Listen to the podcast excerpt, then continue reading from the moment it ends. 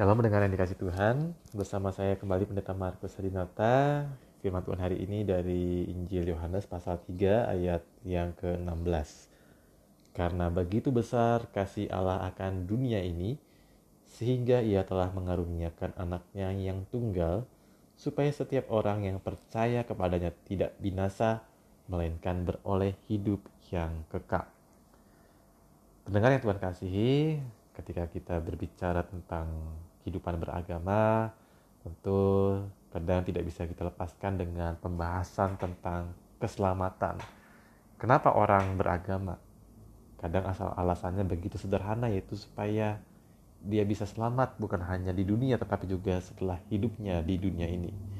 Nah, pertanyaannya adalah apakah selamat itu sendiri? Apakah keselamatan itu dan mengapa kita perlu keselamatan dan bagaimana cara memperolehnya? Apakah ada harga yang harus dibayar untuk memperoleh keselamatan? Sebelumnya kita perlu mengamati konsep atau gambar tentang manusia sebelum kita menjelaskan mengenai keselamatan. Gambaran yang diberikan oleh agama-agama tentang manusia berbeda-beda. Ada yang melihatnya secara optimis, artinya manusia adalah baik Karenanya ia dapat memilih, memutuskan, melakukan yang baik, mencapai hal-hal besar termasuk menyiapkan dirinya dengan perbuatan baik sehingga akhirnya surga tercapai. Namun ada juga yang melihat manusia secara pesimis.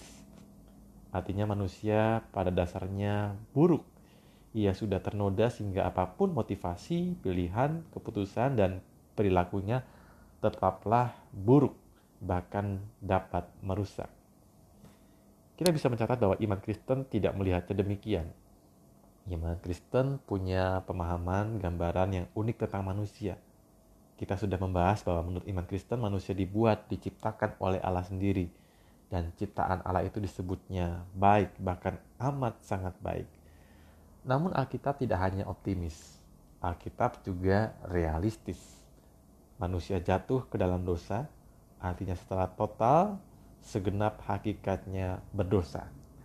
Dosa sendiri artinya adalah sebuah penyimpangan sepenuhnya dari rencana Tuhan Sang Pencipta. Jadi dosa bukan hanya menunjuk pada penyimpangan pada perilaku atau keinginan serta pola pikirnya saja. Namun keseluruhan hal tadi apa yang menjadikan seorang manusia adalah manusia sudah ternoda bahkan najis. Jadi ibaratnya manusia yang jatuh dalam dosa ibarat beras yang bukan hanya tersiram air kotor tetapi bahkan dalam berasnya sendiri sudah mengandung racun yang mengotorinya dan dia juga berasal dari sawah air yang tanahnya juga beracun sehingga secara fisik atau spiritual termasuk kehendaknya manusia sudah tercemar. Namun kita bisa merasa lega dan bersyukur karena dalam iman Kristen tidak berhenti sampai di situ. Alkitab menunjukkan bahwa kemusnahan, kebinasaan tidak harus menjadi akhir hidup manusia. Ada jalan keluar dan ada keselamatan dari kebinasaan, yaitu Allah yang Maha Kudus. Dia yang Maha Adil, Maha Kasih, Maha Tahu, Maha Kuasa tidak membiarkan manusia binasa. Kasihnya membuatnya merencanakan cara untuk menyelamatkan manusia dan Allah menciptakan kemungkinan supaya manusia diselamatkan. Dalam Yohanes pasal 3 ayat 16 tadi dikatakan bahwa begitu besar kasih Allah akan dunia ini sehingga ia telah mengaruniakan anak yang tunggal supaya setiap orang yang percaya kepadanya tidak binasa melainkan beroleh hidup yang kekal. Nah, di sini kita bisa mendapatkan jawab bagaimana caranya supaya kita ber, bisa beroleh keselamatan.